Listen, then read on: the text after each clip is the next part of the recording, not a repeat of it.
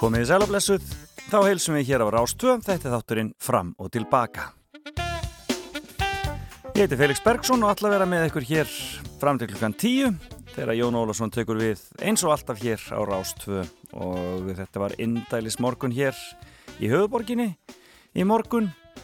Það var frábært að hjóla bara í vinnuna úr Vesturbænum uh, og já, eiginlega alveg dásanlegt og gaman að hjóla alltaf í gegnum Fossháskirkjugarðin í róli heitunum hann er svona vakna til lífsins eins og allt hjá okkur.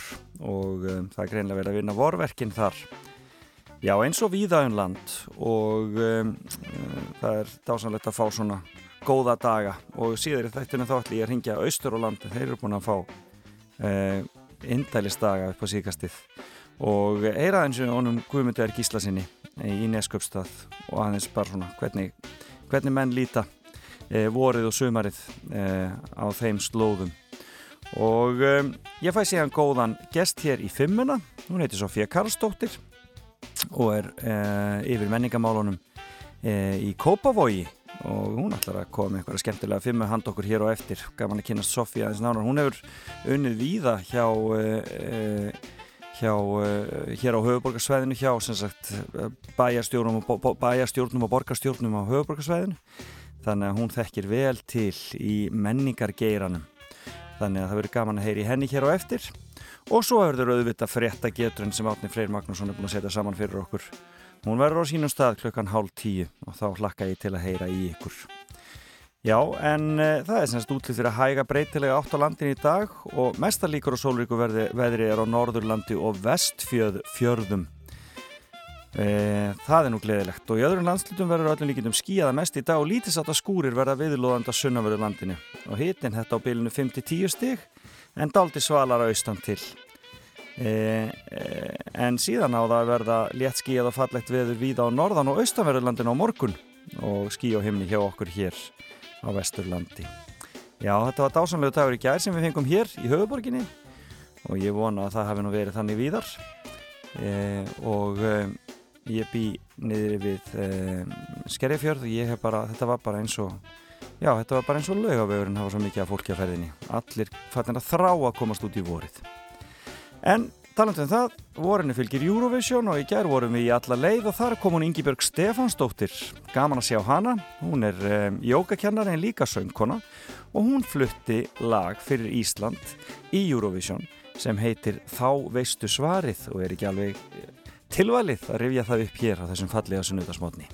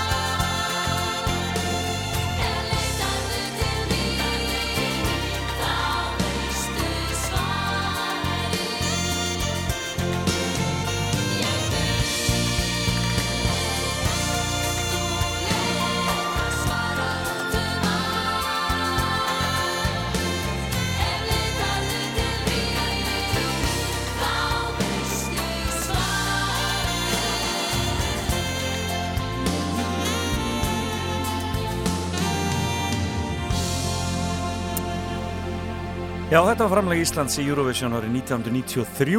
Þarna var hún Ingi Björg Stefánsdóttir, Inga Stefáns og um, e, lagið Þá veistu svarið.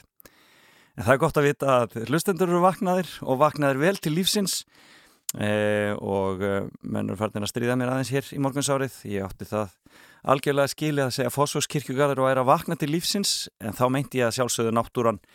Það er engin kraftaverk að minnst að kosti ekki, já, ekki í, ekki í augnablíkinu. Já, ég ætla ekki að fara lengra með þetta áður en ég segja eitthvað sem að fer algjörlega, algjörlega með mig. En það er og það dýrið í dauða þögninni þennan morgunin og eftir smástund ætlum við að fara að rappa saman, ég og Sofía Karlsdóttir. Hérna er Áskil Trösti. Takk mína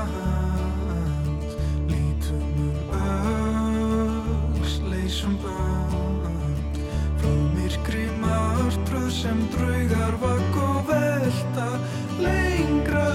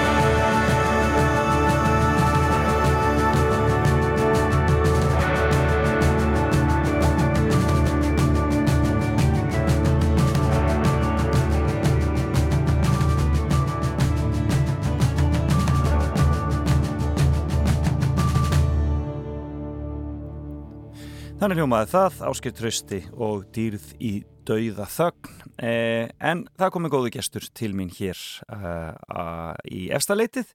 Það er hún Sofía Karlsdóttir, yfirmaður menningamála hjá Kópavósbæ og ég segi bara góðan og blessaðan daginn. Góðan daginn, Felix.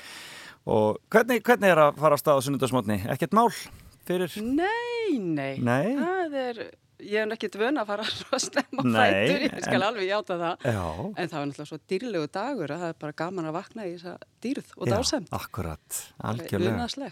Já, við, við verðum að fá aðeins svona, ég meins sko, forsmekk af, af vorinu hérna þessa dagana. Já, akkurat. Svo er maður nú af, af, af fenginni reynslu vissum að það eitthvað mun, eitthvað bakslæði mun koma. Já, já, það er, það er hætt á því. Já. Mjög, mjög gjarnan. Býrðu í Kópavóinu, Sofía? Nei, ég bý í Reykjavík. Já. Ég bý í Hamrakverfinu. Já, já, já. og hérna unni hagminum það sérstaklega vel býð þar með bara hérna viðeina, viðei og, og esjuna beint fyrir framann húsið mitt þannig að ég er mjög vel staðsett og, og finnst bara að ég sé upp í sveit sko þegar ég er heima að mér. Hamrakverfi, það er, Það er raun og veru sko ef þú keirir við Gullinbrú og þá beigir þú sko til vinstri. Mhm. Það er svona hverfi sem var að byggjast þarna í kringum, eða allavega mitt hús er þarna í kringum 90 sko. já, einmitt.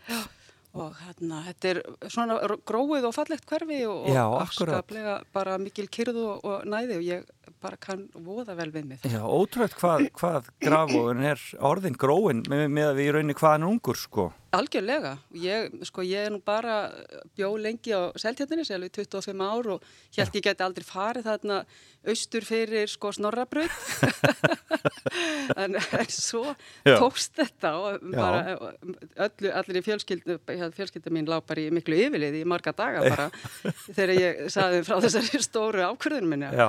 Að fara þarna austur fyrir snorrabraut. Já. Þetta var þótti bara tíðundu sæta sko. Já, hann, Vetulið Guðnason, hann Reykjavíkur Rotta og, og 101 maður, hann sagði hann, hann fylltist alltaf ægilega miklu óöryggi þegar hann færi úr snorabrið. Ég kannast alveg við þetta, ég, ég er búin að yfirstiga þessa hindrun. En þetta líka tengis kannski því sem að ég ætla að velja svolítið sko á eftir, hérna Já. í femmunni, Já. að því að sko, mér fannst þeir í flutti að það fannst mér ég alltaf vera svolítið í svona húsaskiptum, fyrst til að byrja með. Einmitt. svolítið bara í útlandi, var í nýju hverfi og eitthvað, þurfti að læra upp allt, allt er bara nýtt og svona, Nei, þetta var, það var svolítið svona skemmtilegt. En skemmtilegt. Mhm. En já, þ- ertu, ertu Reykjavíkingur á upplægi? Ó, þetta er alveg versta spurning Er það sem ég versta fæ, sko. Já, Já, eiginlega, sko, ég er bara hérna og þaðan, en ég ólst, eða sko mamma mín er vestfjörðin, pappi minn á norðan Já. og hérna frá Akureyri og mamma er fætt á Patrísfjörði, þannig að, svona, en ég hef búið mjög víða og en sko lengst af ólega aldurinn í Grundarfjörði. Þar Já. var ég alla mína grunnskólagöngu. En skemmtilegt. Já, það var, og það er náttúrulega, ég held að ég, sko, þessi þrá mín að hafa fjöll og, og sjó nærri mér og fyrir augunum komið þaðan, því það er náttúrulega var, ég með fjallasýnin á hafið og dá- hið guðdómlega kirkjufell fyrir augunum alla daga. Það getur nú verið vera. Það gæti verið vera. Það er alveg algjörlega þannig. En hva, hvaðan kemur Sofíunafnið?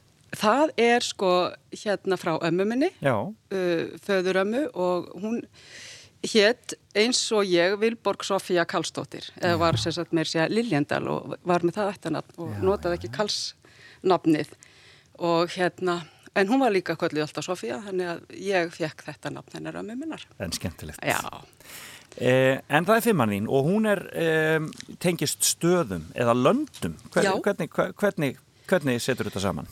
ég seti þetta eiginlega sko saman að því þú sagðir mér að, að forskriftin væri þessi eitthvað sem stæði mér nærri Emmitt. og uh, það stendur mér fátt jafn mikið nærri eins og kannski mjög flestum, mörgum flestum öðrum fjölskyldan mín börnin mín þrjú og eigin maður og hérna við höfum reynd að ferðast mjög mikið og þaðan eigum við okkar stórkostlegu minningar. Já, en skemmtilegt. Já, það er svona, mér fannst það tengjast saman og ég er náttúrulega haldinn mjög mikill ferðaþrá sem er mjög erfitt á þessum tíma. Já, það er mörgum ansi erfitt Það er nokkuð erfitt að vera ekki að bara alltaf liggja á netinu og láta sér dreyma um einhverja ferðir eða skoða hvað maður getur gert næst og svona sko. Þannig að það er bara í kvíld en það, kemur að því að maður kemst aftur. En það má alveg nákvæmlega einmitt gera það, svolítið skoða hvert maður allar að fara næst Já. þegar maður getur það sko. Já, það, það, það er leifilegt sko.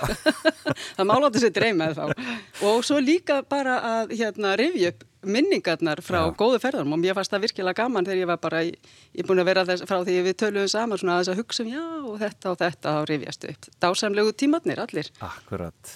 En hvað, hvaða, hérna, hvað, hvað er það að byrja? Hvað er fyrsta land? Sko, ég ætlaði nú að bara byrja eiginlega í Greiklandi Já, svona kannski einn smá ingangur samt að því að, að því ég að, má bara velja fimm en sko ég fór fyrst til útlanda þegar ég var 15 ára já, og þá fór ég, hafði náttúrulega aldrei farið, já, hafði ekki farið erlendis, hafði náttúrulega ferðast eitthvað um landi með mamma og pappa, en þá fluttu við til Kaupmannahafnar, þannig að mín fyrsta ferð til útlanda var bara að flytja til útlanda Það frá munar. grundarfyrði. oh my god Oh my god.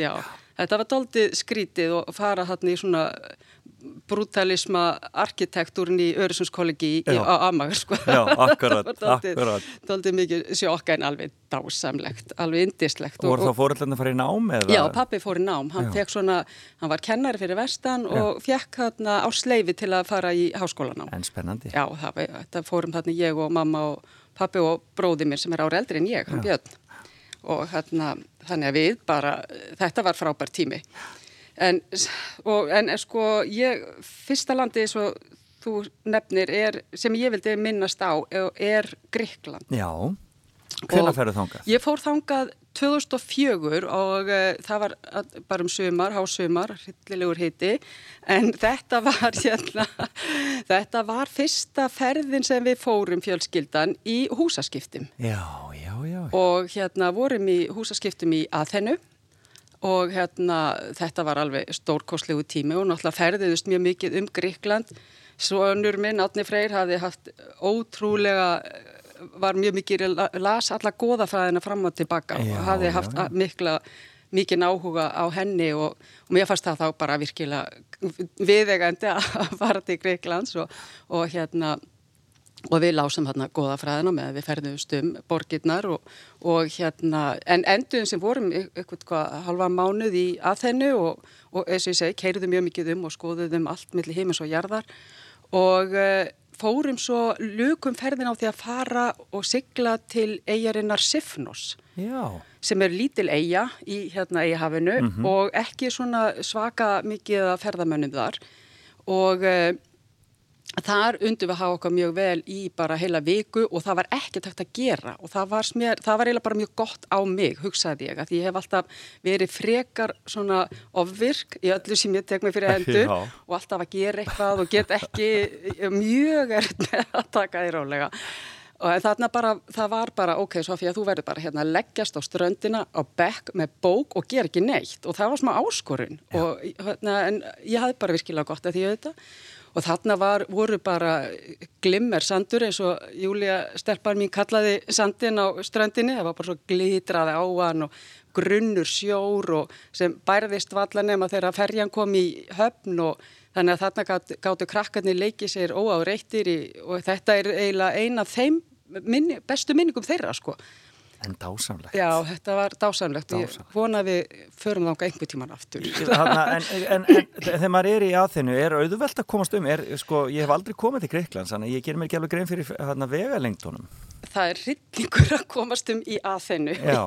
ég dáist eða það hvernig maður með gætt kert þarna um og, og, en sko við fengum með mitt bíl að því gerðum hús og bílaskipti og Einmitt, ég var, já. mann eftir ég var svolítið svona hissa manninu sem að við vorum að skipta fína bílinn sem að tilherði fólkin heldur svona dóldi gamlan bíl Já. sem var dóldi svona dældaður og eitthvað, já, hvað, akkur er að láta okkur ljóta bílinn, en svo var ég óskaplega fegin því það, það er svakalegt axturslaga og gríkjum og þeir virða enga reglur, það var líka keirt á maður þegar maður lappaði um börninni við götur og Já, Já, svona allavegni að þeinu, en, en já, það er allt til að komast á milli staða, sko. Já, og En- ekkert svo langt eða hvað Nei, nei, nei, við fórum um allt á, á þessum tíma, sko. Að ferðast og, og, og maður er mér sérstaklega duglegur að rata, þannig að það var, er mjög gaman að þegar við ferðum svona saman, förum bara svona og látum svolítið kilfur á það kasti hvert, hvernig leiðir okkar liggja, sko. Akkurat, en hvað er börnin gömul þarna? Þarna eru þau, uh, sko þau eru fætt 91, 93 og 99, þau Já. eru svona 6 ára svo yngsta og orðin hinn aðeins stálpari. Sko. Einmitt. Já, Skemmtilegt, þannig að þau hafa, þau hafa minningu um þessa ferð virkilega góða minningar, já. Æðislegt. Hvað næst? Hvað er Heyrðu, land hvað nummer tvö? næst? La- Land nummer tvö er eiginlega Frakland Já, og Frakland, ég, ég hef ekki töluði hvað ég hef komið oft til Fraklands. Já. Það er einhvern veginn hefur það bara ekslast þannig og kannski meira út af því að bæði maður minn og bönni mín hafa mjög mikinn áhuga á Fraklandi og hafa alltaf haft að hafa lært frönsku og dótti mín, Sunneva, hún fór í, mér segja, svona skipti námþangað og í, var í, í Renn í Fraklandi og, Já, já. og svona, og við höfum farið mjög mikið í hjólaferðið Já, og fyrsta hjólaferðin sem við fórum við höfum stundað það nokkuð að fara erlendis og, og hjóla ég og maðurinn minn og stundum börnin okkar með og þangað við hjóluðum þarna í Luardalnum sem er ótrúleg fegur bara kastali við kastala og maður hjólaði trjágöngum með fugglasöngin og þetta var Já. bara ólýsanlegt já, og þarna hefur við farið hjólað þarna í Luardalum við hjóluðum, hefum líka farið hjólaferð til Provence og við hefum farið í, hérna, í Burgundi hér að hjólaferð, fórum þar hvað fyrir svona þremur árum síðan eitthvað svo leið sko. Já. Svo við frönsku rivjeruna og höfum verið í húsaskiptum tvisvar, eins og við Bretanskagan og eins og í París. og hvað er það við Frakland sem þú heit- heitlast svona Það er bara menningin og, og sér, en sko sérstaklega sveitin. Ég hef líka komið nokkur sem til París og mér finnst París allt í lægi Já. en sko franska sveitin er guðdómleg. Já. Maturinn og við höfum alltaf bara gist á einhver svona bed and breakfast og litlum stöðum og hjólum á milli staða og, og svona það er bara, já. Og er, og er ekkit mál að hjóla, ég hef oft hugsað með þess að hjólaferðir sko, er, það er ekkit hættulegt eins og að hjóla á þjóði eitt á Íslandi?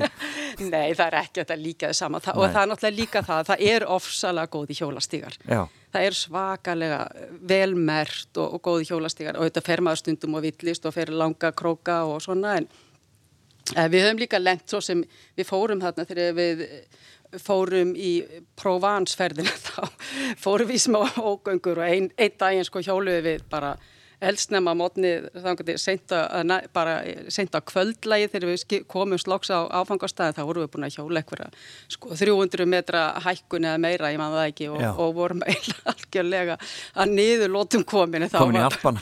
Já, það var sko, við fórum í alvöru bara, við vorum þarna það sem að Tour de France er að hjóla og, og þarna í, það heitir hvað, Mont eh, Nei, vindbelgur heitir hann hérna, hesta fjalli sem að þeir fara upp á, við fórum ekki alveg upp á það en það, það var svona hérna, þetta var æfintýrleg ferð og við sáum stórbróti landslag en ég hef aldrei verið sætt á æfimina því við hjóluðum svona framann og bara hengi flugi svo lengst af, það var, já, en, en yfirleitt er æðislegt að hjóla í Fraklandi og þarna í Burgundi sem voru síðast var alveg, ég myndi mæla með því fyrir alla sem hafa ekki farið í hjólaferðir, að, það, það er frábært að byrja þar til dæmi, sko. En talandu hjólastíga, hjólar þá hérna heima? Já, já, já, ég Hjólar og grafvóinum í Kópavóin Ég hef oft gert það, ég hef nú mátt duglega að því, en, en ég, ég gerði það þegar ég búið bjóta nesi, þá hjólaði ég miklu meira Já. og hérna, og jú, jú, já, fín hjól og, og hérna, elska hjóla, sko. Já, akkurat. Það er bara dustar ekki að ég heyrði mitt þig vera að segja frá því og hjólaði vinnu morgun. Já, Bara ég skellti mér Ah, gott hjá þér, já. Já, það, sko, það var eiginlega íllu heilli vegna þess að ég fatt allt í hún að hann var ekki alveg nóg hlaðin hjá mér rámaspílinn þannig að þá skellti ég mér hjólið það var líka bara, Oh. gat ekki verið betri ákvörðun sko. Nei, frábært. En þarna, eh, sko þú hefur unnið hjá uh, Seltjarnanes bæ Já, og þú hefur unnið hjá Reykjavík já, og nú ertu koni í Kópavóin hvernig, hef, hef, hef, hefur þú verið í okkur fleiri sveitafélagum á höfuborgarsvæðinu? nei, já, býtu nú við, nú þegar ég að hugsa mig um. Já, Ég vann einn svona já vívilstaðspítala. það hefur það akkurat, er það garðabærið hafnafjörður? Eh, p- Já, já, akkurat. Já, það var bara landsbítal. Já, mitt, en, hérna, en, en, en hvernig eh, er samanburðurinn á þessum Það er, sveitafélögum? sko, Standast þau hann öll sömul? Já, þau, þetta er náttúrulega, ég hef verið frábælega heppin með, með störf og, og hérna samstarfsfólk í gegnum tíðina Já. og Reykjavíkuborgur náttúrulega, þá var ég hjá listasatni Reykjavíkur og það var svona, og var, komst og var að vinna aðeins líka hérna með stjórnsýslunni þar og, fekk svona þá, þar mín fyrstu kynna af stjórnsýslunni en á Seltjarnanesi þegar ég fór þanga þá var ég með sviðstjóri yfirmenningar og samskipta sviði og þá náttúrulega komst ég en þá nær stjórnsýslun og vann þarna með áskerði og, og hennar góða fólki Já. Sem var stórkostleg reynsla Já. en auðvitað það er náttúrulega svo lítið bæjarfélag og, og hérna þegar maður er búin að, ég var þar í fimm ár svona þegar maður er búin að vera vinna þar í þann tíma þá er maður svona einhvern veginn búin að gera allt einu sinni eða, eða fimm sinnum sko Já, þannig að, að það er kannski ekki eins mik, mörg tækifæri að þróa starfið sko Eins og í Kópavóinum þá? eins og í Kópavogi og það er í raun að veru, ég segi sko, það er það rosalega skemmtileg stærð á sveitafélagi. Já. Það er svo gaman að vinna með þessa stærða sveitafélagi vegna þess að þú nærð einhvern veginn að halda vel utanum það og, um, og gefið líka tækifæri til að þróast og, og stækka og, og búa til nýja viðburði og hérna það er eiginlega skemmtilega mörg tækifæri þar sko. Einmitt. En það er salrun og það er gerðarsapn. Já, við erum með fimm menningarhús þarna, salin, gerðarsapn, náttúrufræðistofu, bókasapni og svo já. Þannig að bara þetta gefur tækifæri til mikill að fjölbreytni og svo höfum við verið að vinna þannig að við vinnum mjög, sko, húsin vinna mjög sa mikið saman, búin til sameigilega viðburði og hátíðir. Og hérna þannig að það er líka einstak tækifæri sem að fá sveitafélög geta státa sig af. Og sko nálagð húsan er þannig að við getum svo vel gert stóra og mikla og skemmtilega viðburði saman Já. og svo með þetta stóra og fallega tún fyrir framann og, og svona þannig að þetta er, þetta er einstaklega skemmtileg sviðsmynd myndi ég að segja hérna hjá Kópói þau eru heppin að hafa menningarhúsin svona í einum hnapp Já, akkurat, það er vel, vel lukað hjá þeim. Algjörlega. mjög vel, mjög vel sko Heyrðu, en e, nóg um það. Já. Við eigum e, þriðja landið eftir en við tökum okkur smá pásu. Já, einmitt. Þá var ég nú að velta fyrir mér að nefna uh, kannski bara Marokko. Já, Já, það munar ekki um það. það sko munur ekki um það. Nú byrjar, nú byrjar allt þetta svona hérna, aðeins öðruvísi. Aðeins, já, Þarna, aðeins hver- exotísku. Hvenær fóruðu til Marokko? Við fórum 2012 til Marokko. Þá var ég sko hérna 50 og já, hvað frekar að að frekar en að halda veislu að þá langaði mig að vera með í faðmi fjölskyldunar, þá En voru börnin farin að fara svona heiman og vera í útlöndum og, og þá vildi ég nú bara fara að hóa þau saman og fá þau með mér í, í góða ferð og fórum þangað um jóla áramót Já, já. til Marokko. Og hvernig er veður? Er, er það ekki bara svona, svona tíu gráður eitthvað svo leiðis? Jú, það er 10-15, það var sko, jú, einmitt, ég man, mér fannst svolítið kallt og, og ég er mikil skræfa en hérna, en það var sko, það var alltaf læg á daginn og svona, Já. en svo, þar, svo var ægilega kallt, það er náttúrulega ekki kynnt í, í húsunum og svona, það er náttúrulega, en það var alltaf bara, þetta var ótrúlega reynslu og við fórum þarna bara á eigin vegum og svona, þannig að við reyndum allt svolítið á eigin skinni og, og lendum í alls konar og hérna en það var bara frábært. Þetta var stórkosleg ferð og, og krökkun þóttu náttúrulega frábært að, að vera þarna. Við, veist, fyrsta, við komum þarna sent að kvöldi og til og gistum fyrstu, fyrstu næturnar í Marrakesh og og vorum þarna inn í medínunni bara í miðri borginni sko og hérna það var mikið læti og svona og skríti og móti hjólinn og, og, og allt þetta allt á fullir ferð og virkaði mjög kaotíst og en svo einmitt vöknuði við þarna bara hrökki upp klukkan fimm á morgunni við bænakall þá sem glumdi úr, úr öllum áttum og hérna maður var svo óvanur. Já. Þetta var svolítið skrítið þannig að ég var, fór til stelpnuna minn og þær svo á í öðru herbyggju og vakti þær og sagði þetta var allt í lagi. Já. bara svona róaði niður og, og þær hafi nú kannski ekkert verið rættar ég var svo brugðið ég alveg bara hvað er í gangi? Enga veginn veikt á þessu. Nei, nei, svo maður farin að venjast þessu bara svona þegar leið á ferðina maður bara svafi gegnum þetta. Já, og, þarna, og hvað hva dvölduðu lengi í Marokko? Við vorum í svona rúman halva mánu, fórum sko frá Marrakesh, fórum þaðan uh, til hérna Essuíra sem er þarna við, austust, neð, við vestuströndina segir og vorum þar yfir jólin og það var bara mjög svona, heldum bara mjög einföld í jól og bara litla pakka og bara nutum þess að vera saman og elda saman og svona. Og, og svo fórum við þarna til Rabat sem er höfuborg Marokko, vorum þar um áramótin. Gaman. Já, þetta var ótrúlega skemmtileg reynsla og auðvitað allt miklu frumstæðar en maður að venjast í svona þessum vestræna heimi og, og hérna, en indislegt fólk og, og hérna bara einstök upplöfin sko. Og gerir þá húsaskipti eða farið í Airbnb þegar þið gerir svona? Ekki þannig í þessu tilfelli, nei. þetta Við- voru hótel og svo leiðis. Þetta voru hótel. Við höfum farið sko til Bandaríkjana, við höfum farið til Kaliforni húsaskipti og tvisverð Fraklandi, við farið til Ítali húsaskipti líka e, og eh, hvað Og þú mælir með því, það er ekkert mál að gera ekkert mál. Og einmitt með fjölskyldu Sérstaklega, sko, við höfum aldrei geta gert, farið svona mikið nema Nei. við höfum farið þessa leið, sko. Akkurat. Það er ekki mjög- spurning. Þetta er mjög góð aðferð. Heyrðu, við skulum taka okkur smá pásu.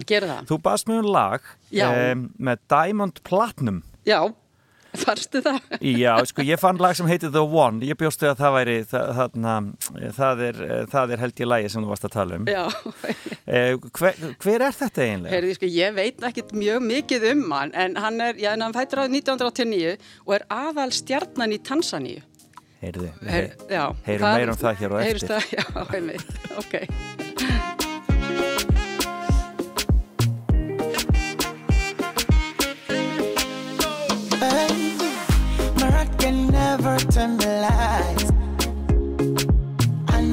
Love me, and the love is true. And I feel the same way, I can't deny. Baby, on the cool holiday, I will die for you. Oh, I saw usitishwe na vimbelembele. Oh, wanapiga eti kujifanya kwa sisi hawatoweza. Oh baby, vimbelembele, waletantarira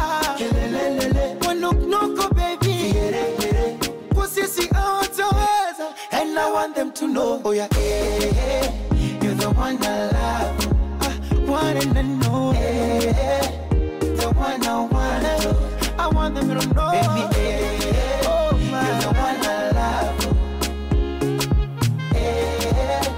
the one I want. I want, baby, why all you want, baby? Drop it down, baby. Show me what to see. I you go, mama. As I want, baby. You should get to. Drop it down, baby. You should get to. Show me what to see. Go, mama. Yeah, penzi ni shere, penzi pia vita tugombane tupatane siri yetu ya ndani eh, aga na pombe starehe ni vitu vya kupita hasa visikuchanganya ukanishusha thamani ah, penzi langu sicheze kachura iwe dance. Iwe dance. Kanifanya mchepu dharura emergency oh, maina moyo wangu mwenzako mimwepesi nisije kufa. Kwa mapresha ufungwa iweke asa usitishwe naye. Oh, anapiga. Eti kujifanya. Kwa sisi hawatoweza. Oh baby aletantarira wanoknoko baby. Kwa sisi hawatoweza and I want them to know. Oh yeah. Eh, eh, you're the one I love. Ah, one and I know eh, the one I want I want them to know. Baby eh, oh my. You're the one I love. Naimupenda sana eh, the one I want as I want baby why all you want baby Velkomin á Fætur. Fram og tilbaka á Rástfö. Já, þeir eru að hlusta fram og tilbaka og um, þessi heitir Diamond Platinums og um, þetta er lagið sem hún valdi fyrir okkur um Sofía Karlsdóttir sem er viðmannandi minn í augnabríkinu yfir maður menningamála hjá Kópavóksbæ Sofía, þetta er bara svakalega ljúft Já, þetta er dásamlegt. og hvernig, hvernig tengist þið Tansaní?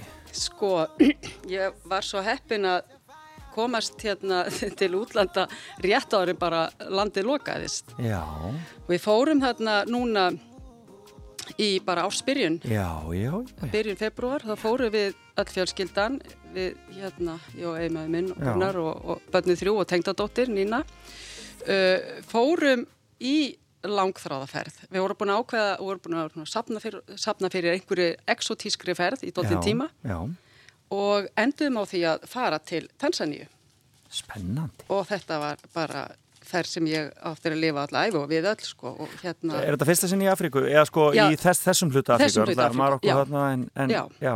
þetta er fyrsta skipti í svona svörtustu Afríku Í svona svörtu- já. svona, Tansaní er hvar? Er hún, hún er sem sagt á Östuströndinni Já, og á landamæri þarna hvað að Eþjópíu og, og nú man ég ekki hvað er í sko Eþjópíu í norðri. Já, og uh, hérna Rúand og Burundi eru þarna sko uh, vestan megi við hana, norðvestan. Uh um, en uh, hún, uh, já, þetta er sem sagt stórkostlegt og stórbrotir land það sem við kynntu staði og við eh, vorum þarna fórum í svona alveg skipulaða ferð og það hefur við bara nánast gerum meil aldrei, Nei, við erum öll bara okkar eigin vegum en þarna var hún alveg skipulögð frá A til Ö. Fórum þarna og vorum á bæ sem heitir Tansanæs og er bær sem bónd, svona bóndabær eða svona farm sem þau kalla uh, sem er rekið af íslensku fólki. Uh, hérna Anna Elisabeth Ólastóttir og Viðar uh, heita þau hjónin sem að reka þennan stað. og hún, Anna Elisabeth er að vinna með mér. Og hún saði mér einhvern tíma frá þessum stað og ég bara, þegar hún saði mér frá hann þá ég ok, ég á eftir að fara þarna. Já, og við létum þennan e, draumrætast að fara til Tansaníu og vorum þarna í Tansanæs í góðu, yfirleitt hjá hennar góða fólki. Og hérna gistum þar og fórum svo nokkrar ferðir frá bænum hennar e, að það heitir Karatu bærin sem að liggur þarna upp við eða það sem hennar bíli er og uh, þanga fóru við, við vorum svo heppin sko að því maður, þegar maður er með svona innfættum að þá fær maður svo allt alltaf aðra sín. Þannig að við fórum í mikið í svona ferðir, bara í gönguferðir með henni eða keirðum þarna inn í bæin, fórum við á markað, sáum sjúkrahús, sáum uh, skóla og kynntumst ímsu svona sem að maður hefði ekki kynst en maður hefði bara verið þarna eigin vegum. Og síðan fóru við náttúrulega, var, var búið að skipulegja fyrir okkur líka sem var náttúrulega eitt svakalegt ævintýr að fara inn í Serengeti þjóðgarðin Já, og þar gistu við sagt í þrjár nætur. Já, og maður bara sopnaði undan ylfrinu í híinum og eh, heyrði hérna í alls konar dýrahljóð, þetta er bara svona tjöld sem að maður sefur í. Já. Þetta var ævintýri líkast að, að vöknuð með einan nótina við, við fíla fyrir framann tjaldið okkar og svona Já, hérna hér. sem var, hérna, vakti ekki mikla hrifningu hjá öllum Nei. eh, sem voru hrættir naðrir og svona en, en hérna, þetta var bara ógleimaleg ferð og svo að kynnast öllum þessum þjóðflokkum við sáum náttúrulega þessa Masai, Indjána og, og Írak eh, þarna eh, þjóðflokkin, þetta eru hvað 120 þjóðflokkar Já. sem að byggja Tansaníu, og tala ólík tungumál og, og annað, við til dæmis þeir sem við vorum hjá í þarna búgarðinum, þeir voru Írak. Og maður sér, maður, svo Masai, hérna indjánarnir, þeir eru sko miklu há, hávaksnir og grannir, þannig að þetta, maður sér svona útlitslegan mun á þeim þegar maður er svona bent á það Já, sko akkurat. og akkurat. kynntust svo þarna hyrðingum og, og fórum að heimsóttum veiðimenn sem að bara eh, sko eru lifa frá degi til dags veiða sér til matar og, og, og týna bara jurtir og ávexti og korn og fræ og, og, og eiga sér ekki búsetu eða nema í hellum eða einhverjum svona kofum Einmitt. Og þetta er raun og veru þjóðflokkar sem eru bara við það að deyja út Já, akkurat. eiga sitt eigi tungumál, svona smetlu tungumál Og eiga erfitt í rauninni, já, svona, já. En, og eiga þá náttúrulega erfitt í nútímanum í rauninni að, að einhvern veginn að, að finna sér stað bara hreinlega. Já, það er að vísu búið að gera svona verndarsvæði fyrir þá þar sem að þeir fá að vera óreittir en, en það eru þetta sko, okkur var sagt allavega sko, þeir vorkina ykkur. Af því að þið eruð svo hérna, stressuð og þeir lifið svo skipulöðu lífi en þeir, þeir geta gert það sem þeir vilja. Já, og hérna þetta var náttúrulega ótrúleg lífsreynsla að átta sig á því hvað fólk getur lifað við frumstæðar aðstæður. Já, og hérna við sáum þarna menn sem eru bara eh, sem að vinna bara eh, þeir eiga sína eina aðdunugrein svo bara jártsmiðir og, og þeir eru bara að búa til eitthvað úr málmum og bræða þetta sjálfur með við þvílíkt frumstæðar aðstæðar, maður getur ekki ímynda sér það. Það er eins og maður sé kasta svona ára tíu aftur í tíman Þetta hefur verið upplifun og ævintýri sem að þið hefði ekki viljað missa. Nei, það er ekki vilja messa þessu fyrir nokkuð mun og mælum þessu Og er Anna Elisabeth að bjóða upp á svona ferðir Já, hvað? hún er að gera það og þarna, já, já, þau skipulegja svona ferðið frá aðtilu og ég mæli með því alla leið því þetta var bæði, er starfsfólki hennar frábært og, og þetta maður er bara svona eins og heima hjá sér sko. Frábært. Já, Hljómar vel. það. Ég veit að marga dreymir um að komast í safari til Afríku á einhverjum tímapunkti. Já, ég held að allir ætti að gera það einu sunni. Síðasta land. Síðasta landið. já, fymta landið, það er hérna Mexiko. Það er Mexiko. Já. Hvenær fóruð þið þang? Við fórum þangað 2018.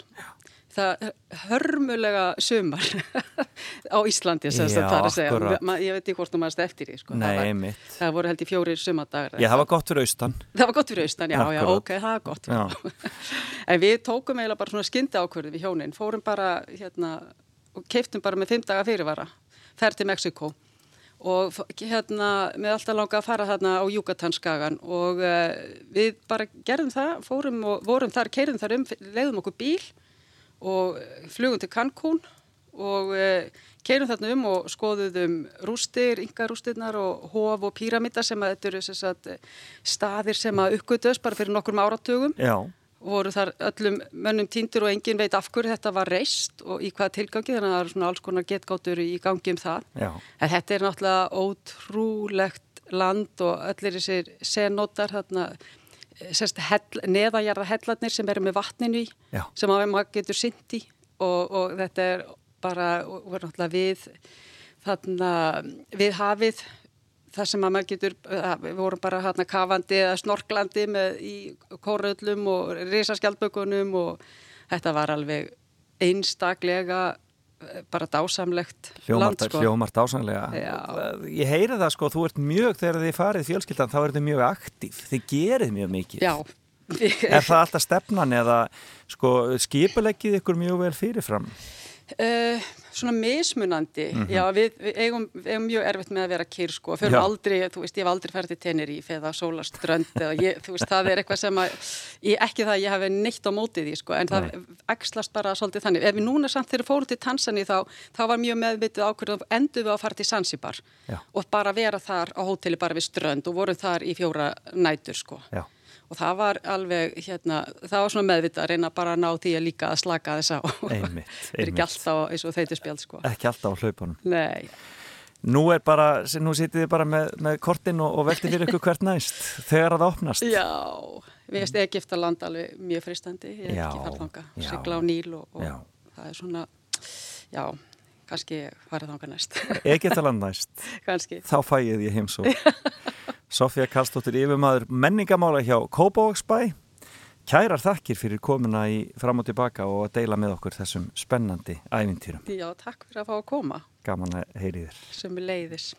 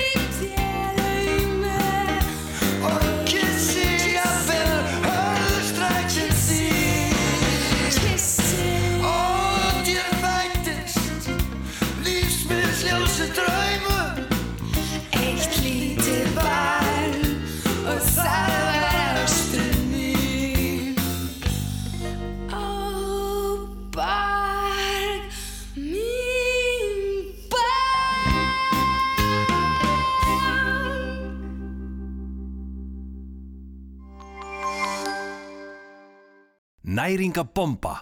Gullfiskur fæst í bónus. Reyndýrariflar, sjónaukar og hljóðdifar í miklu úrvali.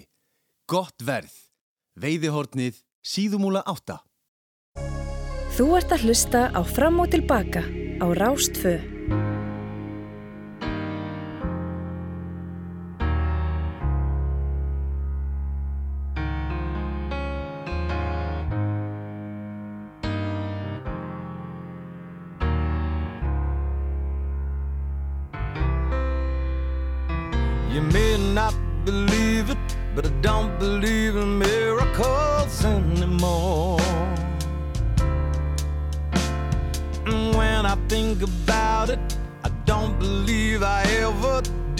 For sure.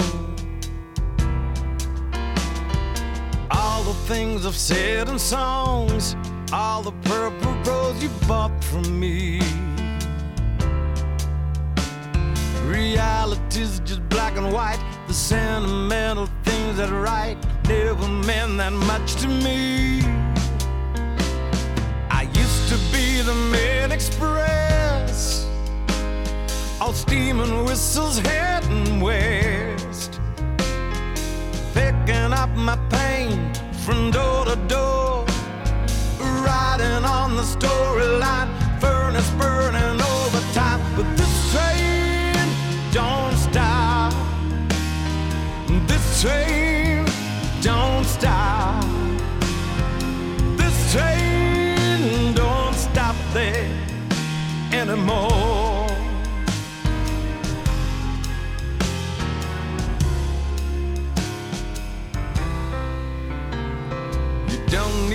to hear it, but I'm dried up and sick to death of love.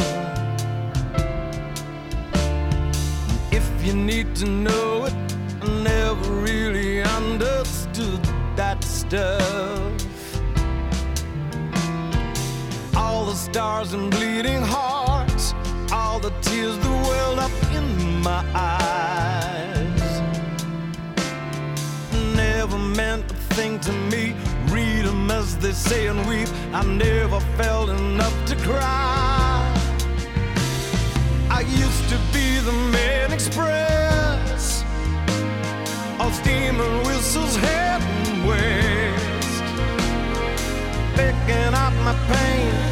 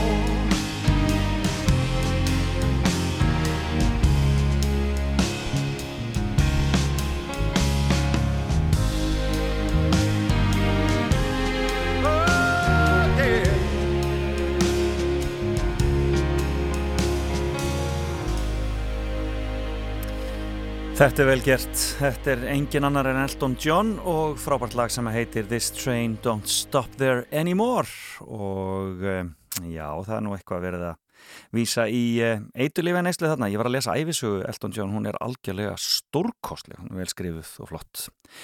Um, en uh, hún er farin frá mér, hún Sofía uh, Karlsdóttir, sérstaklega gaman að fá hana hér í heimsókn og hún talaði um fimm uh, ferðalög sem hún hefur farið með fjölskyldinu gegnum tíðina og það var nú af miklu að taka þar á mörgu.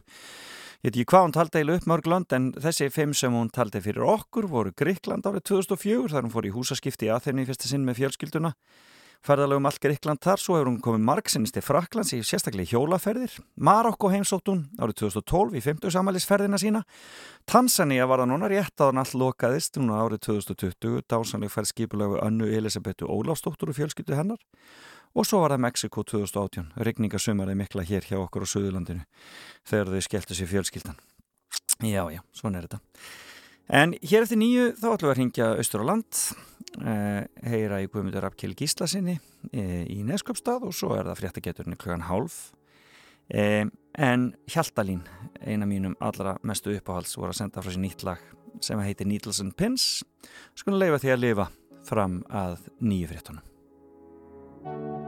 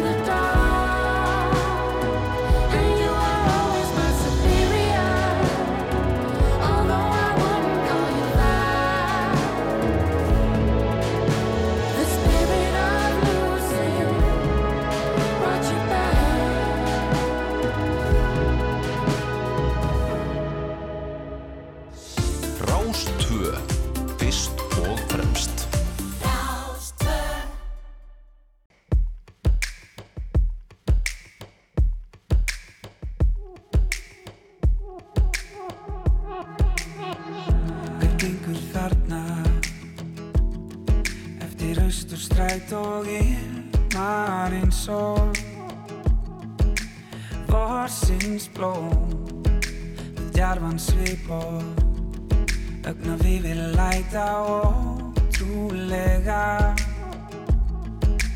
rauðum skóm.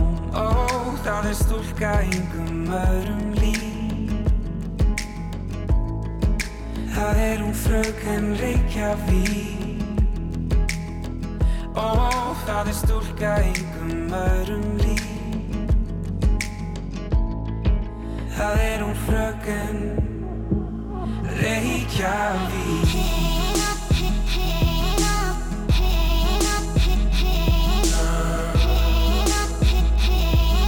Það er hún fröken Reykjavík.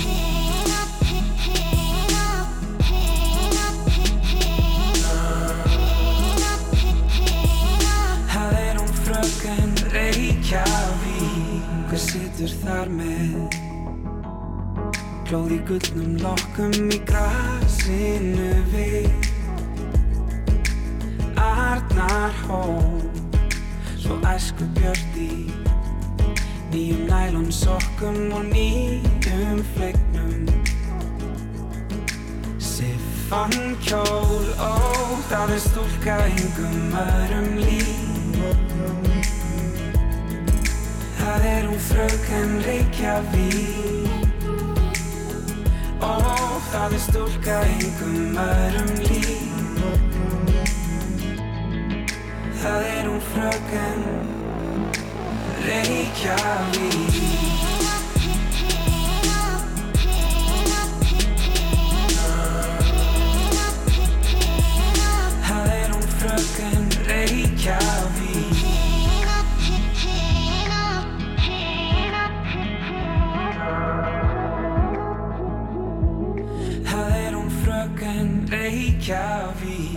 svífur þarna suður tjarnar bakka Til samfundar við ungan mann Sem býður einn á brúnum sumarjakka Hjá björgunum í hjónskálan Ó, það er stúlka engum öðrum líf Ó, fröken Reykjavík Ó, það er stúlka engum öðrum líf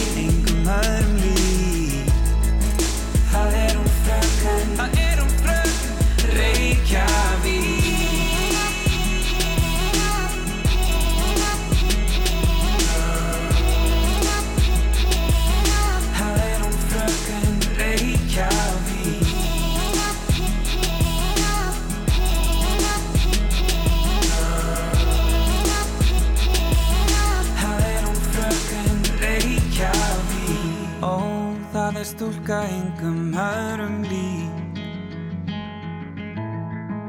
Það er hún fröken Reykjavík sem gengur þarna eftir austur stræta ótrúlega rauðum skóm Komið sæl aftur, þá höldum við áfram hér á Rás 2, þetta er þáttunum fram og tilbaka og ég heiti Felix Bergsson og það var engin annar en Fridrik Dór sem hóf þetta hjá okkur hér eh, eftir eh, nýju fréttinnar, alltaf góður. Góður gestur hjá mér hér í fyrirlutu þáttarins og Sofía Karlsdóttir yfir maður menningamála hjá Kópavósbæ, gaman að fara með henni gegnum fimmuna hennar sem voru lönd, en hér eftir smá stund ætla ég að ringja austur í Neskjöpstað að heyra aðeins í Guðmundur Arkeli Gíslasinni. Og svo um, er það um, fréttageturinn klukkan hálf. Þannig að þetta er nú bara eins og þetta á að vera ímislegt í fréttum þó það sé nú ekki allt og ekki, alls ekki allt veiru tengt sem betur fyrr. Það er ímislegt annað að gerast og um, við fundum fengur nú svona smá fórsmekka því að það væri nú kannski að byrta aðeins til minnstakosti hér á höfuborgarsvæðinu í, gær. Og um, nú þurfum við bara að vera þólimóð, taka eitt skref í einu og hlýða við því áfram og þeim þrenningun okkar góðu. Og uh, þá komist út úr þessu í róli heitunum. E, og e, gera það saman eins og alltaf. Þetta er vinsælt hér á Rástu þessa dagana. Heitir Stop This Flame. Þetta er Celeste. Skemmtilegt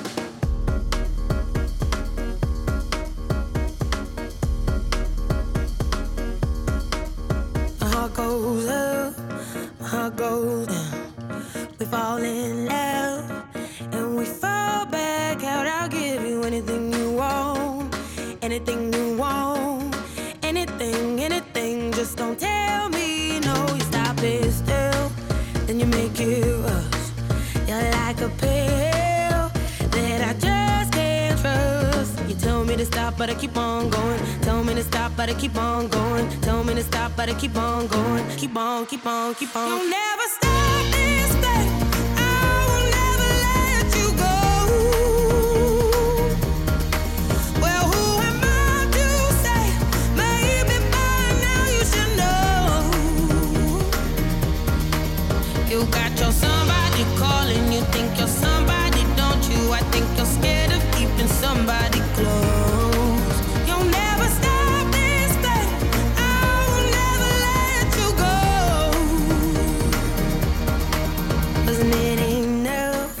did I move too far? It's all too much. I think I must be mad to give you everything I had, everything I had, everything, everything, but it still went bad. Tell me to stop, but I keep on going. Tell me to stop, but I keep on going. Tell me to stop, but I keep on going. Keep on, keep on, keep on. You'll never stop this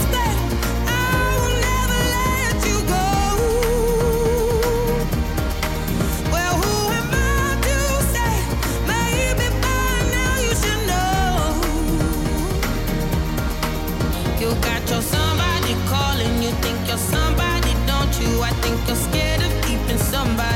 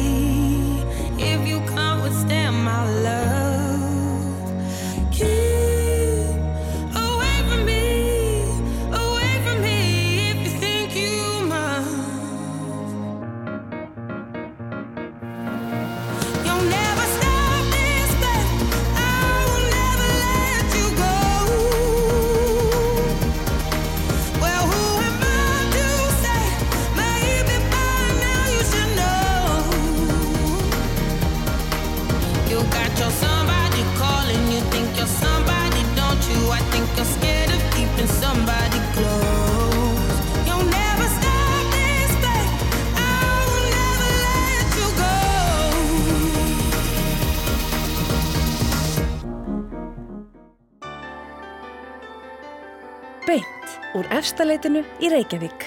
Fram og tilbaka á Rástfö.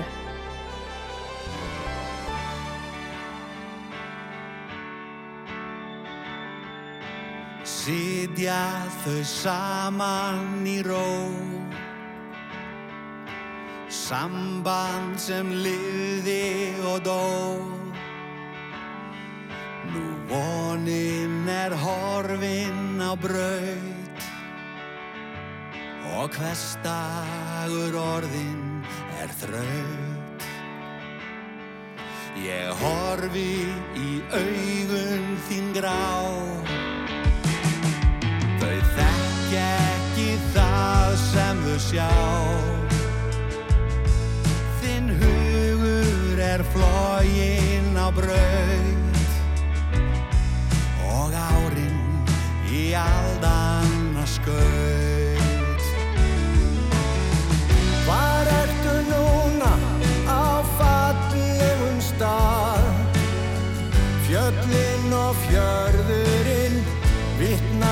það Nú tíminn er ekki til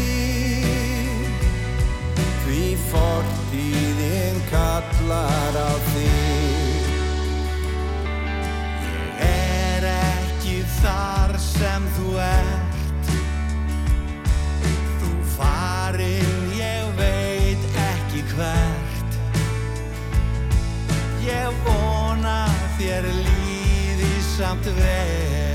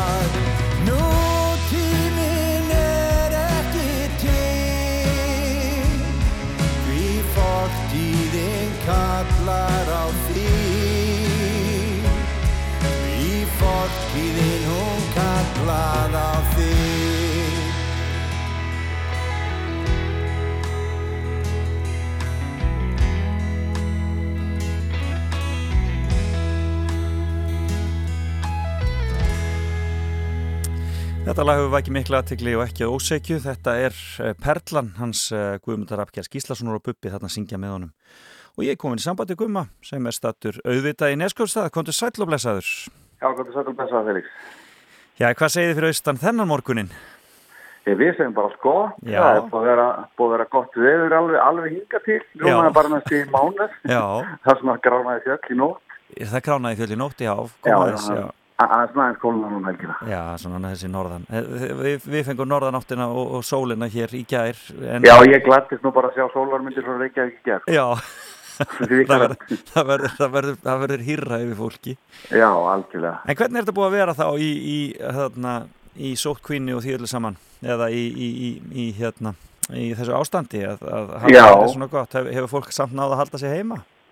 Já, fólk hefur alveg hlýtt öllum, öllum reglum, auðvitað hafa, hafa gert það, tekið það bara mjög alvarlega sem mér og mér finnst það alveg frábært því að hér hafa ekki verið mörg smitt, einugis átta smitt og öll að hér aðeina þannig að við hér á, á fjörðum höfum, höfum alveg sloppið hingað til. Já, en fólk hefur alveg tekið þetta samt mjög alvarlega og hérna uh, og hefur bara fyllt öllum reglum í kvíðarna Já. skólandi náttúrulega breyttust fram að skólandi strax og, og náttúrulega allstað verið að reyna að fylgja þessu reglum eins og hægt er.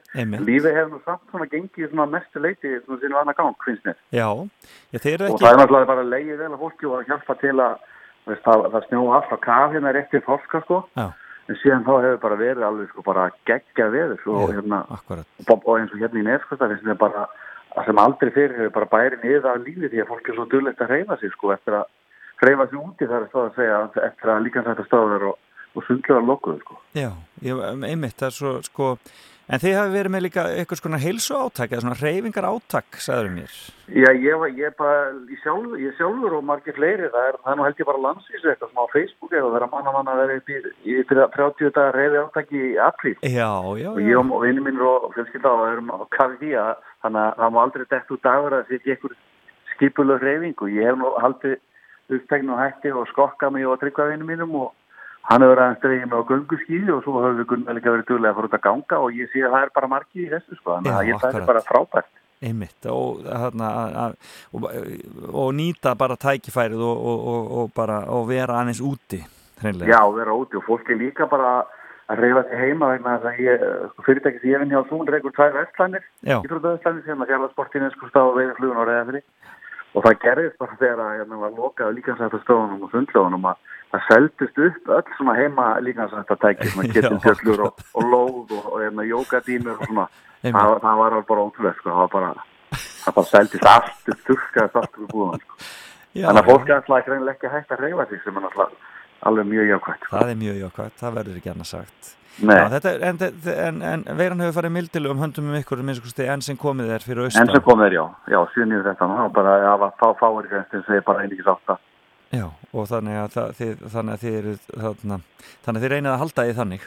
Já, við reynum að halda þeirra og mér finnst að allir að hafa, veist, það er ekki, ég hef ekki verið varfið neitt kærleysi þó að kannski, mann hafa sagt sem svo að veist, það er ekki greinst neitt smittiðinir og fjörðum en samt hafa menn farið eftir öllum reglum. Sko. Já, Og það hætti sér mjög mikilvægt, þú veist náttúrulega aldrei hvar geti skotið niður fótum smitt, sko. Nei, nei, algjörlega og það er, svona, það er svolítið, og svolítið og svona sjokkarandi þess að fréttir frá færiðum í morgun að, menn séu að, greinast aftur eða þá að þeir séu ekki lausir. Já, einmitt, þetta, þetta er bara ágænt varð fyrir okkur að, að fylgjast með þessu. Já, akkurat. Heyrðu, en þú ert náttúrulega búin að vera að fylgja eftir plötunni þinn á fullu? Já, Svona eins og, eins, hægt er eins og hægt er, þannig að ekki, ekki tónleika hald náttúrulega? Nei, það er ekki tónleika held, ég kom fram á einu tónleikum svona, þegar þetta, var, þetta fár var að hellast yfir lands, land, land og þjóð þegar ég var 50 það var haldin tónlistarhátt í hérna einskóta sem voru svona, svona hálfgerður útgáð tónleikar og svona farið við minn seril og fleiri söngar að syngja. Svalega lög og lögin mín og það var náttúrulega frábært en síðan þá hef ég ekkert komið fram og, og ég hef náttúrulega bara verið að fylgja flutin eftir mér eins og hægt er í gegnum samfélagsmiðla og, og, og hvetja fólk þess að fara á Spotify og svo, hafa, svo hef ég sendt diska náttúrulega bara um alls land síðan diskur kom út og, og gengi bara príðilega vel og rauninni bara mun betur heldur en nokkuð tíma fyrir og þetta lag sem þú spilaði á hann hefur náttúrulega vakið mjög mikla aðtekli og bara sterkara viðbröð heldur en nokkuð eftir sem ég hef gefið út á mínum eh, 33 ára útgáðferðli Þú þú ert að fjalla þarna um, fjalla þarna um, um Alzheimer sjúkdóman eða ekki Jú. í þessu lagi. Hva, er Já. þetta saga fólk sem þú þekkir eða? Já, Halli vinnu minn gítarleikari er svo alveg, hann átti veika móður Já, á Halsafið þegar, þegar, ég- samti í lagið og hún er nú dáin núna, blössið minni kennar. Og það voru fleiri vinnu mínir sem, að, sem að áttu foreldra, bæði yngvar vinnu minn og, og síðan hólfröðu vinkonu minn og bara veist, ótrúlega margir og tímafíl í kringum mig sem voru að standa í þessum erfiðum álum að eiga ættingja sem að voru með Alzheimer Já. eða heila byrjun og, og þetta heyrir maður sögur og, og, og, og líka bara umkýrst aðeins fólk líka og þá dætt mér í þessi kannski skrikna hugmynd að semja dægulega texta um þetta þetta málefni en það verður stað að hitta á einhverju taug hjá fólki Já, akkurat. Þetta er miskusti málum sem margir þekkja og, og eins og segir tengja bara hreinlega við, sko. Já og bara á miklu, miklu stærri hópur heldur en ég gerir mig grein fyrir því að margir hafa náttúrulega umgengist bara eldra fólk og Já. þó að fólk, fólk sé ekki með heila bylunni alfæmir þá eru, getur fólk tengt við hennar texta á margan hátt sko. Algjörlega. Heyrðu, en þið, austfinninga, þið lítið björtum augum til sumasins? Já, við gerum það náttúrulega bara eins og allir Íslandingar lítum björnum til sumarsins og þó við vitum að sjálfsög ekki hvernig sumari verður, veist, eins og eins og hátíð sem ég er að vera haldnar eins og þungarafshátíð í neistna flug og neista flug um vestur með helgina, það er ekki bara að taka neina ákvarðanir og það er náttúrulega bara erfitt að taka ákvarðanir það, því þú akkurat. veist ekki nákvæmlega hvernig reglunar verða og, og annars slíkt. En, Þannig að ég held að það sé allir bara bjart sinur á að verði gott og, og gott sumar og við ætlum að njóta okkur í sumar vonandi allir og, landsmenn en og, og fá marga gesti innlenda?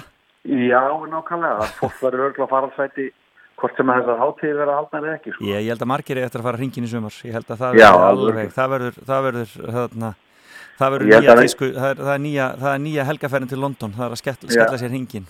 Já, og kannski verður það svolítið verkefni okkar líka að, að passa það íslendingar að það verði ekki allt tróðfullt á þess sjálfsagum og vinsalastu stöðum. Sko. Já, akkurat. Það verður ekki vist að það falli undir reglunar um, um fjarlæg og fjölda. Sko.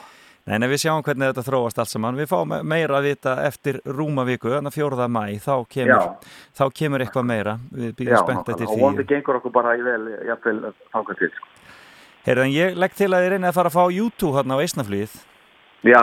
Eða jafnvel bara á neistaflýð. Já, nokkulega. Nokkulega. Þeir myndu fíla, þeir myndu fíla austfjörða sólina. Og Já. jafnvel austfjörða þókuna líka. Já, alveg örgulega. Þeir myndur örgulega bara fíla austur í dækli, sko. eins og flestir. Eh, Hér er steyringa þetta sem. Takk fyrir spjallikumi. Takk sem bleið. Já, bless, bless, við heilsa bæ. Pass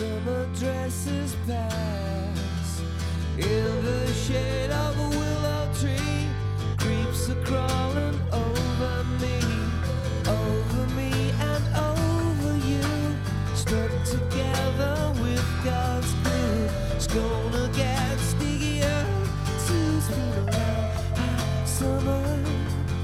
let's get undercover don't try too hard to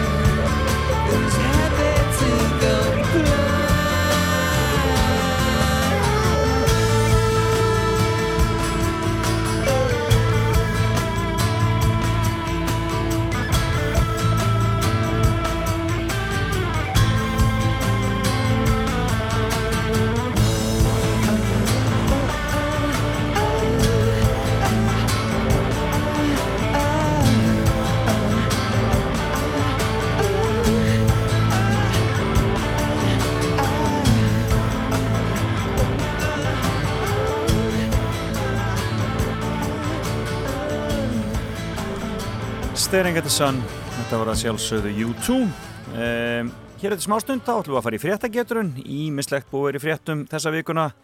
Og uh, ég laka til að heyra í ykkur hvar sem þið eruð en við fáum aðeins meiri músík og svo þegar fréttageturna stefið byrjar þá megið þið byrja að ringja 5687123 Þú ert að hlusta á Fram og Tilbaka með Felix Bergsinni á Rástfjörn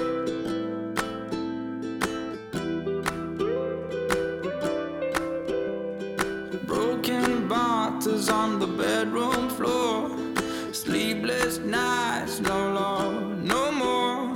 You pull me in so you can shut me out again and again and again. Is it too late for love? Too late for apologies? Too late to find a way home? Whoa, throw me a lifeline. This is too much. Why?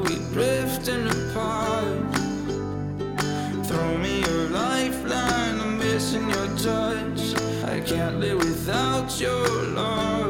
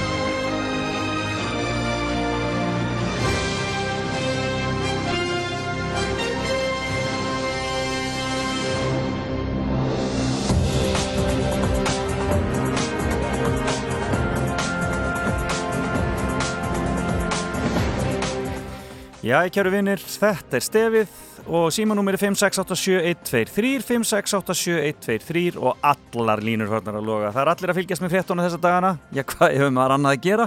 Skulum heyri fyrsta hlustanda. Góðan daginn! Góðan daginn. Góðan dag, hvaðan er þú að ringja? Reykjavík. Þú ringir Reykjavíkinni, góða verðinu hér. Já. Heyrðu, við skulum byrja bara hérna. Guðmundur Ingi Guðbrandsson, umhverfis og auðlindar á þeirra, undirritaði vikunni friðlýsingu háhitasvæðis Brennisteins fjalla í samræmi við ramma áallun. En hvar eru Brennisteins fjöll?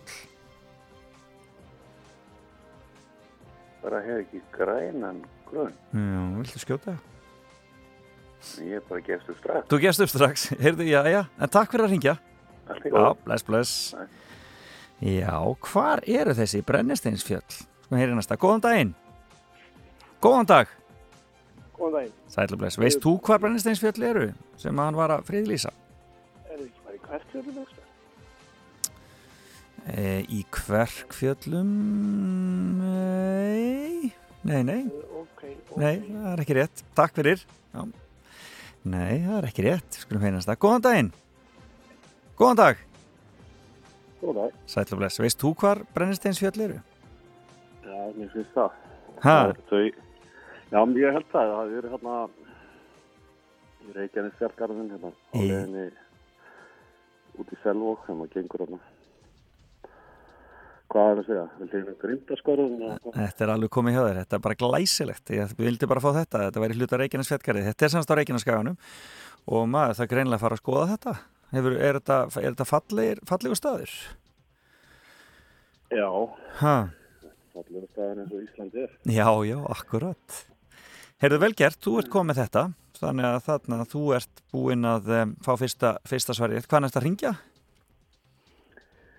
Ég er að hingja hérna úr, úr Varsenda heiðinni Já, já og að fengi Vassenda heiðin, það er almennilegt. Rétt hjá Guðmundalundi. Akkurat, rétt hjá Guðmundalundi það er almennilegt.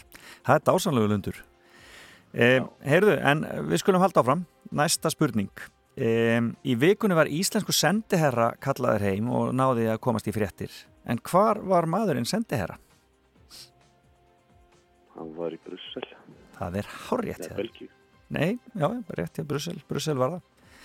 Þannig að það er bara hárrétt hjá þér Heyrðu, þú komið tve, tvær réttar hérna hjá mér og þá er spurning hvort þú nærða að klára þá þriðju e, Í vikun hefur 99 ára breskur fyrirverandi hermaður var ekki mikla aðtekli en hann hefur sapnað 27 miljónum stellingspunta en hvernig er hann að styrkja með þessum 27 miljón stellingspuntum? Það veit ég ekki. Uh, ég ætla að giska, já, að styrkja eitthvað til leita sér lækninga. Hvað segir þau? Er hann að styrkja eitthvað til að leita sér lækninga? Já, það má nú segja það en eh, þú veist, hann er svona, já, hvað er hann að styrkja? Hvað, hvert á þessi styrkur að renna? Þetta er ekkert smáræði, sko þetta eru, hvað okkur að tæpar 5, mil, 5 miljardar hmm. Fyrir aldra. Nei, ég get ekki gefið réttir þetta ekki, ekki rétt en, en takk fyrir að ringja Það held að fram að reyna. Já, takk fyrir kærlega, takk, bless, bless Eh, Góðan dag. Blessum við leiðis, bless Já, hver, hvert á þessi styrkur Hermannsins að renna og nú loga alla línur Góðan daginn Góðan dag Góðan daginn. Veist, dag. veist þú hver á að fá þessar 27 eða hvert þessi styrkur á að renna þessi 27 miljónir Eh, Já, til helbriðstokkfólks. uh, Já Eða starfsfólks á, á hjúkramaheimilum. Nei, ég get ekki gefið þér réttir þetta. En vel, vel var skotið, takk fyrir kjærlega Já, takk. þess. Nei, hvert eiga þessir 27 miljardar að fara? Eh, með 27 miljónir, góðan daginn.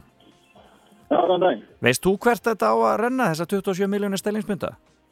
Já, þú ekki að fara í NHS, þannig að uh, sjúkrahúsin. Jú, bara, bara ná, nákvæmlega NHS eða þarna breska heilbríðiskerfið þetta er bara hár rétt hjá þér. Þeir voru, þeir voru að reyna þetta var of, of þeir voru of þarna og, og, og, og þeir voru á smáir í þessu en þetta ásannast bara að fara til heilbríðiskerfisins eins og það leggur sig. Og ekki veitir af, sínist mér í Breitlandi Heyrðu, hvaðan er þú að ringja? Ég er inn í Reykjavík. Þú ert í Reykjavík. Heyrðu, næsta spurning fyrir þig. Í vikunum var nautahlaupin í Pamplóma aflýst. En í hvaða landi er Pamplóma? Það sem er farið í svona nautahlaup og fólk hleypur eins og vittlýsingar undan nautum. Það er náttúrulega annarkvort Portugal eða Spán. Já, hvort er það? Ég er með það. Ég skjóttu nú. Ég ætla að giska á Portugal. Svona. Það er rangt hjá þér. Það er rangt hjá mér. Takk fyrir að ringja. Takk fyrir, já, bless. Já, góðan daginn. Góðan dag. Góðan daginn. Þetta bless, veist þú hvar Pamplóna er? Það er á Spáni. Það er á Spáni, hár rétt hjá þér. Hvað hringið þú? Ég er bara hérna í Reykjavík. Þú veitir Reykjavík. Það er nú ekkert bara við það maður. Heyrðu, Þíska lögreglan stöðvaði í gær ólöglega starfsemi sem búið var að koma fyrir í bæjanum Elsenfeld og Mömlingen í nágræni Frankfurt. Hvers konar ólöglega starfsemi var þetta eiginlega sem lögreglan stöðvaði? Nei. Viltu skjóta? Amfetamins formleika. Nei, við skulum segja að það verið næsti bær við. Takk fyrir að ringja. Já, bless. Nei, það var ekki amfetamins framleysla. Við skulum heyra næsta. Góðan daginn. Góðan daginn. Góðan daginn. Heyrur í mér, er, er svona hátt stilt í útarpinu hjá þér? Æ, þetta gengur vist ekki. Við erum næsta. Góðan dag. Já, góð dag. Góðan daginn. Veist þú hvaða ólöglega, kólólöglega starf sem þetta var sem að lauruglæni í Þýskalandi var að stöða þarna rétt í Frankfurt? Uh, Hálfgriðslustofur. Þetta voru hárgræslistofur. Næsti bær við amfetamin framleyslu eins og þau segja. Heyrðu, það voru hárgræslistofur rétt hjá þér. Þarna hvað er þetta að ringja?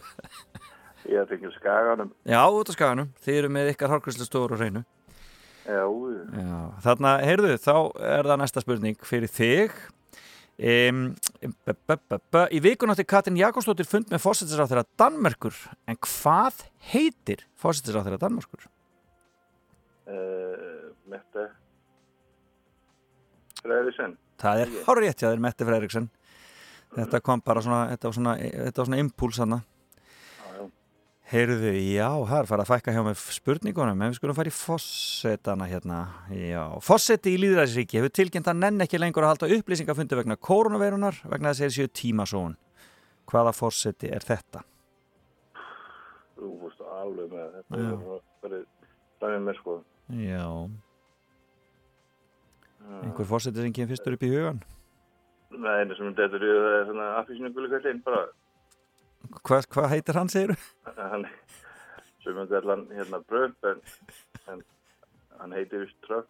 Já, heyrðu það er hár rétt hjá þér. Þetta kom bara á Twitter, þetta kom bara á Twitter svo við nótt, hann nennir þess ekki lengur því að menn skilji ekki húmórna sko. Hann er nefnilega svo kaltaðinn þegar hann er að segja fólki að sprauta sig með þarna, er... með sóttreinsilegi og, og fara í, í, í, í, í þarna, vara. Þetta er alveg með ólíkindum já, en hann sem sagt tilkynnt þetta og það heyrðu, hvað heitir þú? Ég heiti Guðmundur Björnsson. Guðmundur Björnsson og hvaðan ert að ringja? Þú ert á skaganum að það ekki? Skal hann, já. Uh, má bara bjóða þær að koma við hjá mér hér í efstaleitun einhvern tínu vikun og ná í verðlaunin þín Já, getið sendið eitthvað hérna? Já, ég get, ég get sendt þér Hva, Hvað er heimilisvangið? Brekkubröð 17. Brekkubraut 17, Akranesi Já, 300. Það er 300 Agnes, heyrðu, kæra þakki fyrir að ringja og takk fyrir þetta. Til hamingju. Takk fyrir mig. Já, er bless, Já, bless. bless. Já, þakk ykkur öllum sem ringduð og tók þú til fréttagetun í dag. Þetta var bara allir skemmtilegt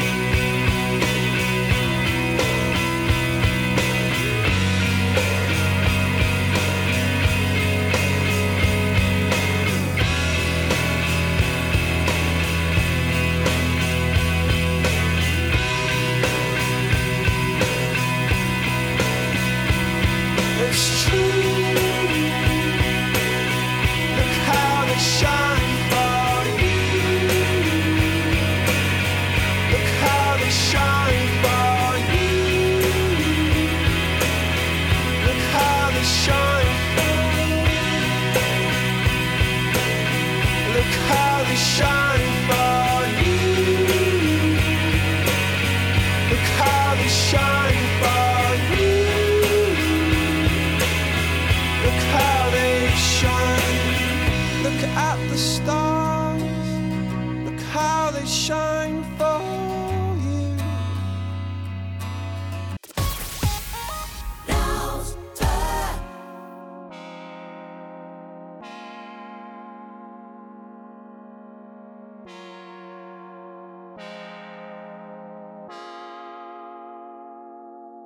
Stundum finnst mér alveg gaman, stundum finnst mér það bara ekki. Stundum vil ég vera einn en stundum meika ég það ekki. Þarf ég að vera konsistent, kannski langa mig það ekki. Í dag líðu mér svona en á morgun öðru við sé Bara því gerði ég hvað, gerur það ekki mig.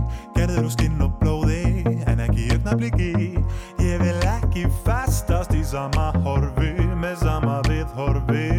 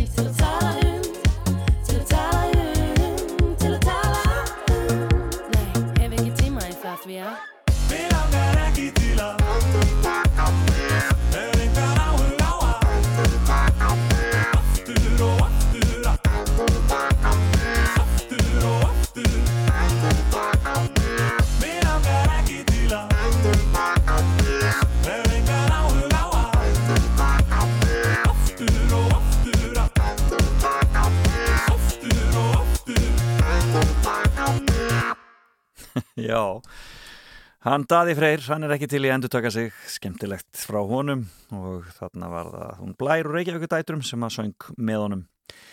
Um, það er mikil dagskrá framöndur hjá okkur Rástöð eins og alltaf á sunnudöfum. Þetta er nú bara svolítið í sama andanum og það hefur verið. Jón Ólafsson byrja hér með sinn sunnudagsmorgun kl. 10 og svo eftir háttegið er það sunnudagssögurnar og um, það er hún uh, Gíja Hóngesdóttir sem stjórnar þeim að þessu sinni. Gestur hennar í sunnundarsögum Andrea Margret Þorvaldsdóttir, mikil hestamanneskja og verið í félagsmálum hestamanna líka. Það verður spennandi að heyri í henni og svo er það upplýsingafundurinn auðvitað klukkan 2 við Bergson og Blandar förum síðan á tímaflakk klukkan 3 og mig grunar að það séu uh, árin sem enda á 0 sem verða þar undir. Ég held að það verði skemmtilegt og svo er það Rokklandið hjá Óla Palla klukkan 4 Eh, og um, síðan eftir eftir kvöldréttunar 21. öldin eh, sem hann eh, Orri Freyr stjórnar og undiraldan síðan eftir sjómasfréttir þannig að já, það er bara ímislegt hjá okkur og skemmtilegt hér á Rástöð þannig að hafið okkur í eirunum þegar þið farið í göngutúr dagsins en hér er já hann bá í Bowie dagsins. Við erum búin að fá Elton John dagsins þannig að það er komið tíma á David Bowie dagsins. Young Americans. Blæsir sér minning þessa stórkostlega listamanns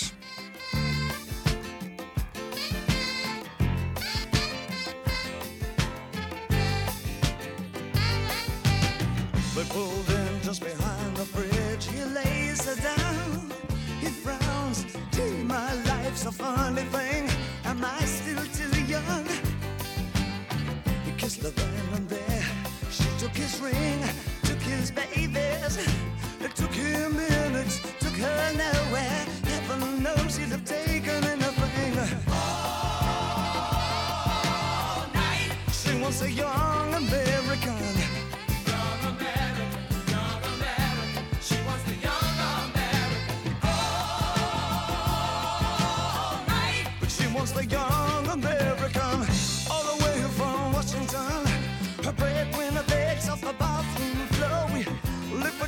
Swim.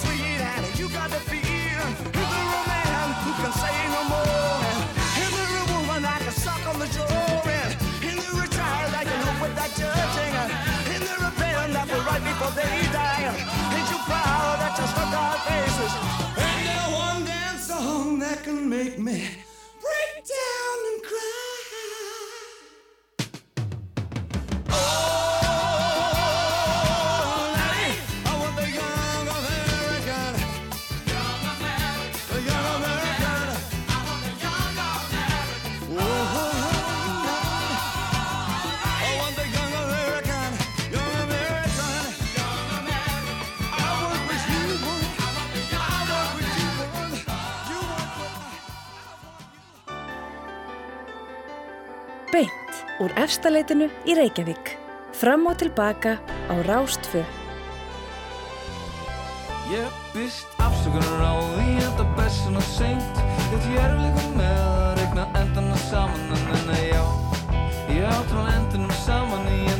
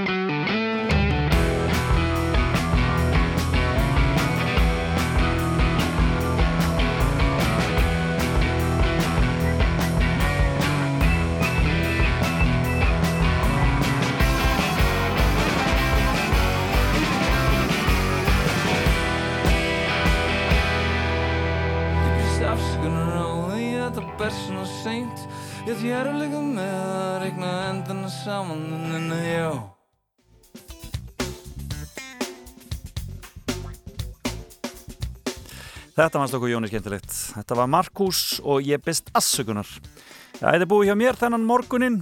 Ég þakka gestum mínum uh, Sofíu Karlsdóttur sem kom hingað í eftirleitið og satt frammi í andiri eh, og uh, rappaði við mig og var með fimmuna sína, skemmtilegu. Hún uh, talaði um fimm lönd sem hún hefur heimsótt. Hún og fjölskyldan duglega að ferðast og og uh, skoða framandi staði. Og hún mælti eindreið með því að fólk með börn sérstaklega uh, færi í húsaskipti. Það er besta aðferðin til þess að til þess að geta farið uh, víða um lönd á, og það kostar ekkert svo mikið. Og nú er akkurat tíminn á meðan við erum först heima að byrja að undirbúa næstu ferðalög. Uh, hugsa til þess hvert okkur langar að fara næst. Þegar við megum það. Það hlýtur að koma því einhver tíman kannski bara eftir ár, næsta sumar. Eh, en eh, ef ekki ef, að, ef að við, getum ekkert farið í sumar þá væri til dæmis tilvalið að fara á land, svo við heyrðum í Guðmundi R. Gíslasinni í Nesköpstað þeir eru æstir að taka á móti gestum í sumar og um, þó að þeir haldi nú kannski ekki hátíðarna sínar, það kemur í ljós síðar það er ekki búið að taka ákvörunum, neistaflug og eistnaflug en það kemur allt saman í ljós en það er alltaf dásanlegt að fara og njóta útiveru og austfjörðum. Get mælt eindreið með því. Gaman að heyra í gumma, gengur vel með plötuna hans. Og svo var það fréttageturinn okkar og hún var bara í lengra lægi þetta skiptið. En sá sem hafði það að lokum eh, er Guðmundur Björnsson Brekkubraut 17 á Akranesi. Og hann er þið getur farið í kaffi til hans og óskánu til hamingju. En hann sem sagt hafði þetta í fréttageturinn þennan morgun og það verður að sjálfsögðu fréttageturinn aftur þetta viku þetta er búið hjá mér eins og ég sagði í dag. Þakku fyrir að hlusta og um, við heyrumst aftur eftir viku í fram og tilbaka. En ég minni á tímaflækið okkar margættar hér klukkan þrjú í dag. Bless bless